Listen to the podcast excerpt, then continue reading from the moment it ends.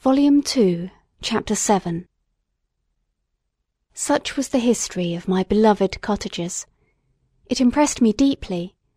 I learned from the views of social life which it developed to admire their virtues and to deprecate the vices of mankind.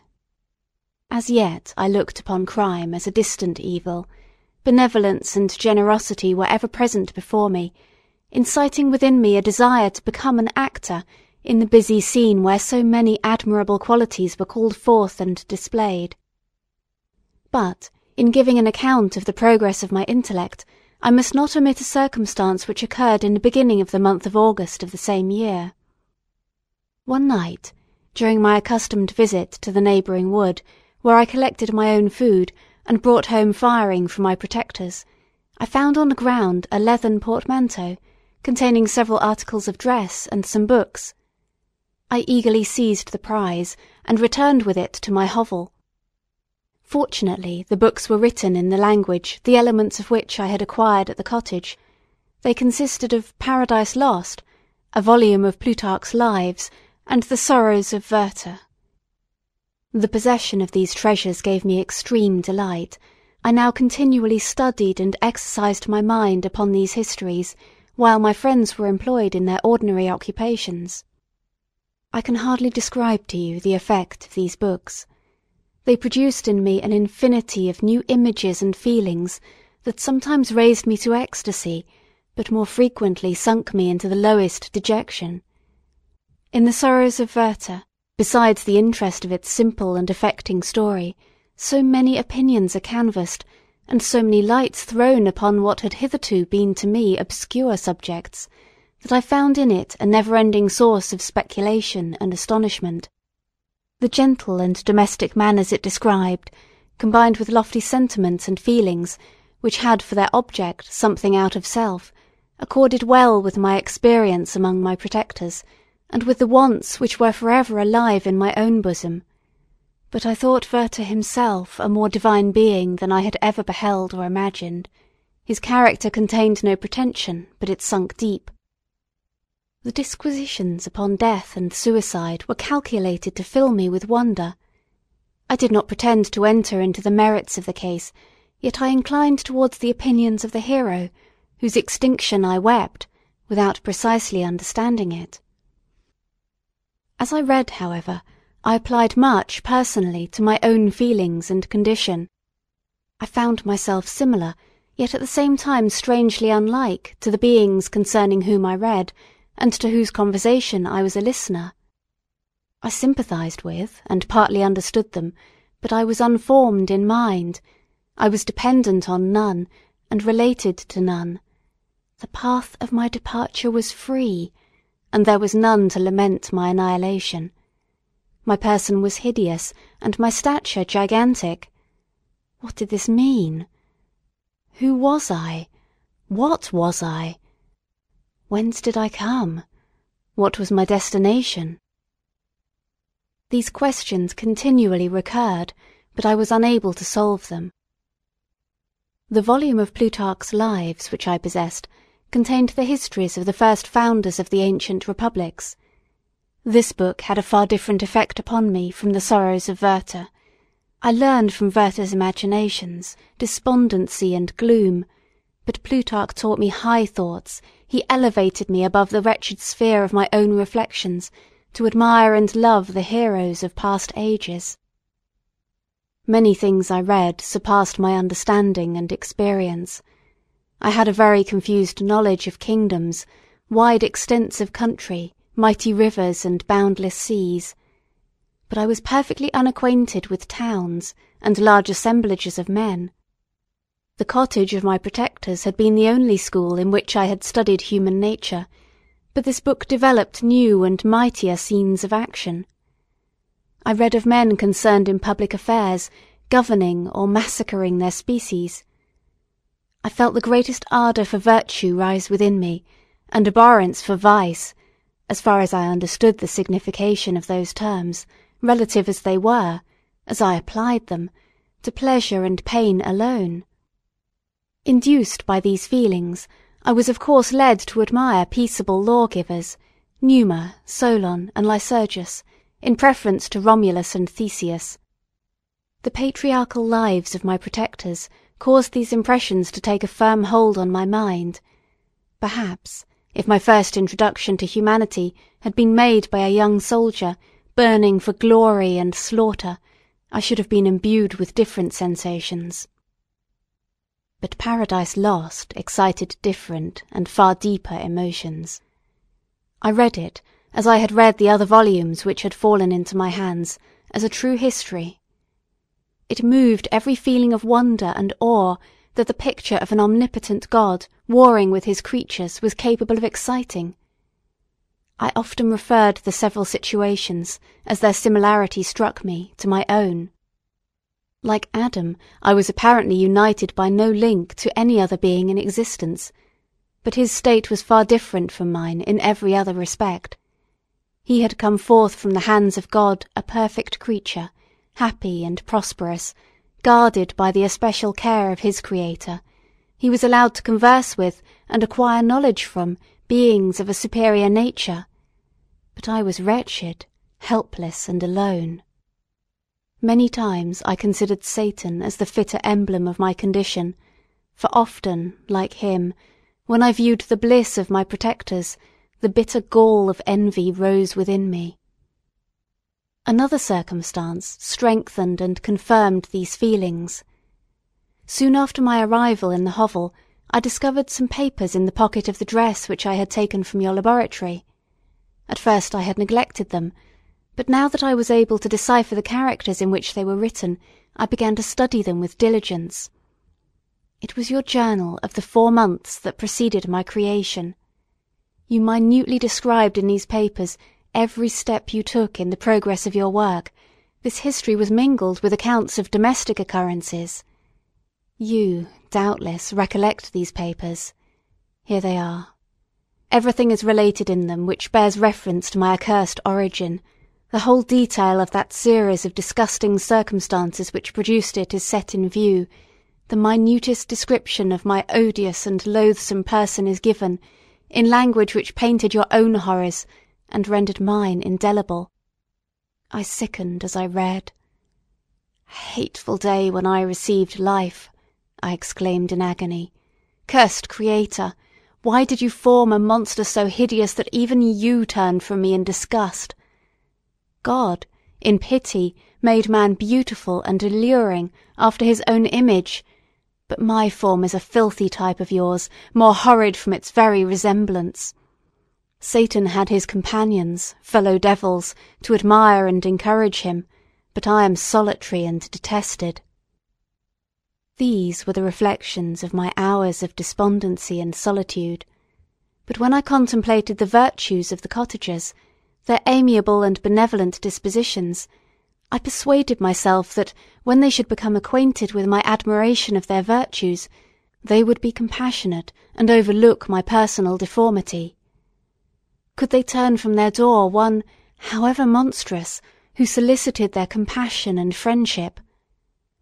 I resolved, at least not to despair, but in every way to fit myself for an interview with them which would decide my fate. I postponed this attempt for some months longer, for the importance attached to its success inspired me with a dread lest I should fail. Besides, I found that my understanding improved so much with every day's experience that I was unwilling to commence this undertaking until a few more months should have added to my wisdom. Several changes, in the meantime, took place in the cottage. The presence of Safie diffused happiness among its inhabitants, and I also found that a greater degree of plenty reigned there. Felix and Agatha spent more time in amusement and conversation, and were assisted in their labours by servants. They did not appear rich, but they were contented and happy, their feelings were serene and peaceful, while mine became every day more tumultuous. Increase of knowledge only discovered to me more clearly what a wretched outcast I was. I cherished hope, it is true, but it vanished when I beheld my person reflected in water, or my shadow in the moonshine, even as that frail image and that inconstant shade. I endeavoured to crush these fears, and to fortify myself for the trial which in a few months I resolved to undergo; and sometimes I allowed my thoughts, unchecked by reason, to ramble in the fields of Paradise, and dared to fancy amiable and lovely creatures sympathising with my feelings and sharing my gloom, their angelic countenances breathed smiles of consolation. But it was all a dream; no Eve soothed my sorrows or shared my thoughts. I was alone. I remembered Adam's supplication to his Creator, but where was mine? He had abandoned me, and in the bitterness of my heart I cursed him. Autumn passed thus. I saw with surprise and grief the leaves decay and fall, and nature again assume the barren and bleak appearance it had worn when I first beheld the woods and the lovely moon. Yet I did not heed the bleakness of the weather; I was better fitted by my conformation for the endurance of cold than heat. But my chief delights were the sight of the flowers, the birds, and all the gay apparel of summer. When those deserted me, I turned with more attention towards the cottagers. Their happiness was not decreased by the absence of summer. They loved and sympathised with one another, and their joys, depending on each other, were not interrupted by the casualties that took place around them. The more I saw of them, the greater became my desire to claim their protection and kindness; my heart yearned to be known and loved by these amiable creatures; to see their sweet looks directed towards me with affection was the utmost limit of my ambition. I dared not think that they would turn them from me with disdain and horror. The poor that stopped at their door were never driven away. I asked, it is true, for greater treasures than a little food or rest; I required kindness and sympathy, but I did not believe myself utterly unworthy of it. The winter advanced, and an entire revolution of the seasons had taken place since I awoke into life. My attention, at this time, was solely directed towards my plan of introducing myself into the cottage of my protectors. I revolved many projects, but that on which I finally fixed was, to enter the dwelling when the blind old man should be alone. I had sagacity enough to discover that the unnatural hideousness of my person was the chief object of horror with those who had formerly beheld me. My voice, although harsh, had nothing terrible in it. I thought, therefore, that if in the absence of his children I could gain the good will and mediation of the old De Lacy, I might, by his means, be tolerated by my younger protectors. One day, when the sun shone on the red leaves that strewed the ground, and diffused cheerfulness, although it denied warmth, Safie, Agatha, and Felix departed on a long country walk, and the old man, at his own leisure, was left alone in the cottage. When his children had departed, he took up his guitar, and played several mournful but sweet airs, more sweet and mournful than I had ever heard him play before. At first his countenance was illuminated with pleasure, but as he continued, thoughtfulness and sadness succeeded. At length, laying aside the instrument, he sat absorbed in reflection. My heart beat quick. This was the hour and moment of trial which would decide my hopes or realize my fears. The servants were gone to a neighbouring fair. All was silent in and around the cottage. It was an excellent opportunity. Yet, when I proceeded to execute my plan, my limbs failed me and I sank to the ground. Again I rose, and exerting all the firmness of which I was master, removed the planks which I had placed before my hovel to conceal my retreat.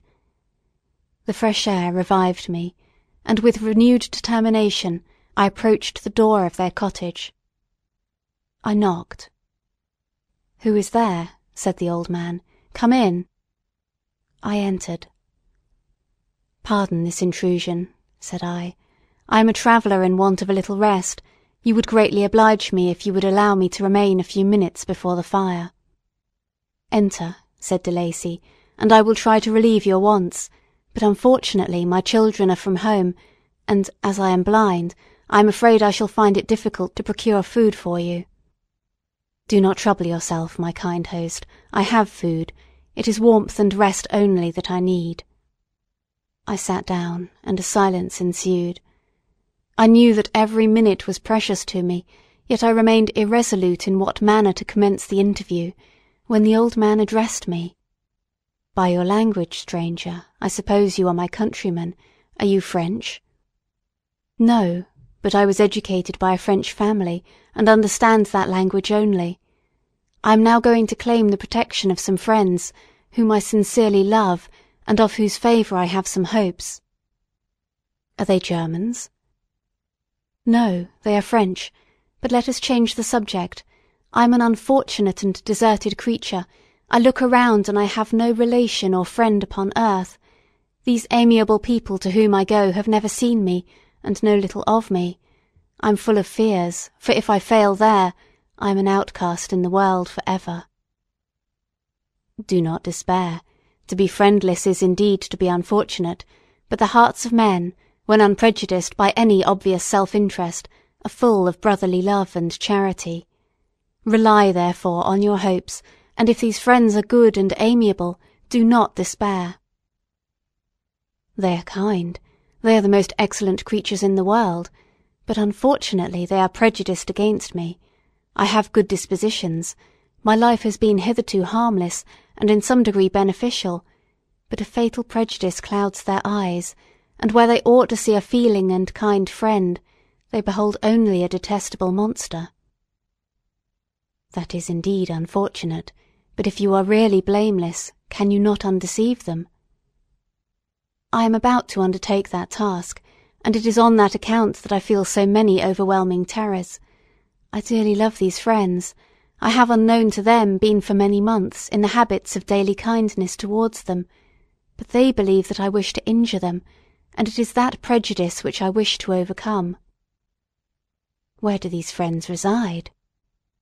Near this spot. The old man paused and then continued.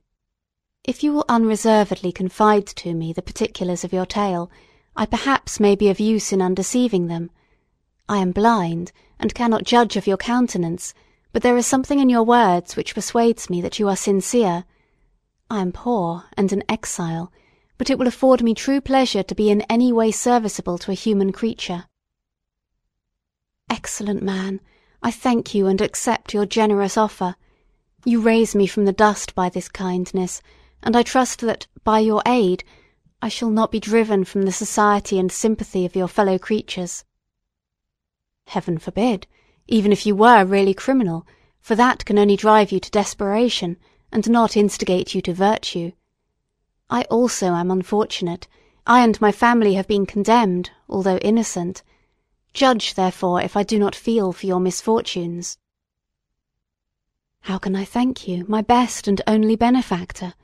From your lips first have I heard the voice of kindness directed towards me. I shall be for ever grateful, and your present humanity assures me of success with those friends whom I am on the point of meeting. May I know the names and residence of those friends? I paused. This, I thought, was the moment of decision, which was to rob me of, or bestow happiness on me for ever. I struggled vainly for firmness sufficient to answer him, but the effort destroyed all my remaining strength. I sank on the chair and sobbed aloud. At that moment I heard the steps of my younger protectors. I had not a moment to lose, but seizing the hand of the old man, I cried, Now is the time. Save and protect me. You and your family are the friends whom I seek. Do not you desert me in the hour of trial. Great God! exclaimed the old man. Who are you? At that instant the cottage door was opened, and Felix, Safie, and Agatha entered. Who can describe their horror and consternation on beholding me? Agatha fainted, and Safie, unable to attend to her friend, rushed out of the cottage. Felix darted forward, and with supernatural force tore me from his father, to whose knees I clung. In a transport of fury he dashed me to the ground and struck me violently with a stick. I could have torn him limb from limb, as a lion rends the antelope. But my heart sunk within me as with bitter sickness, and I refrained. I saw him on the point of repeating his blow, when, overcome by pain and anguish, I quitted the cottage, and in the general tumult escaped unperceived to my hovel.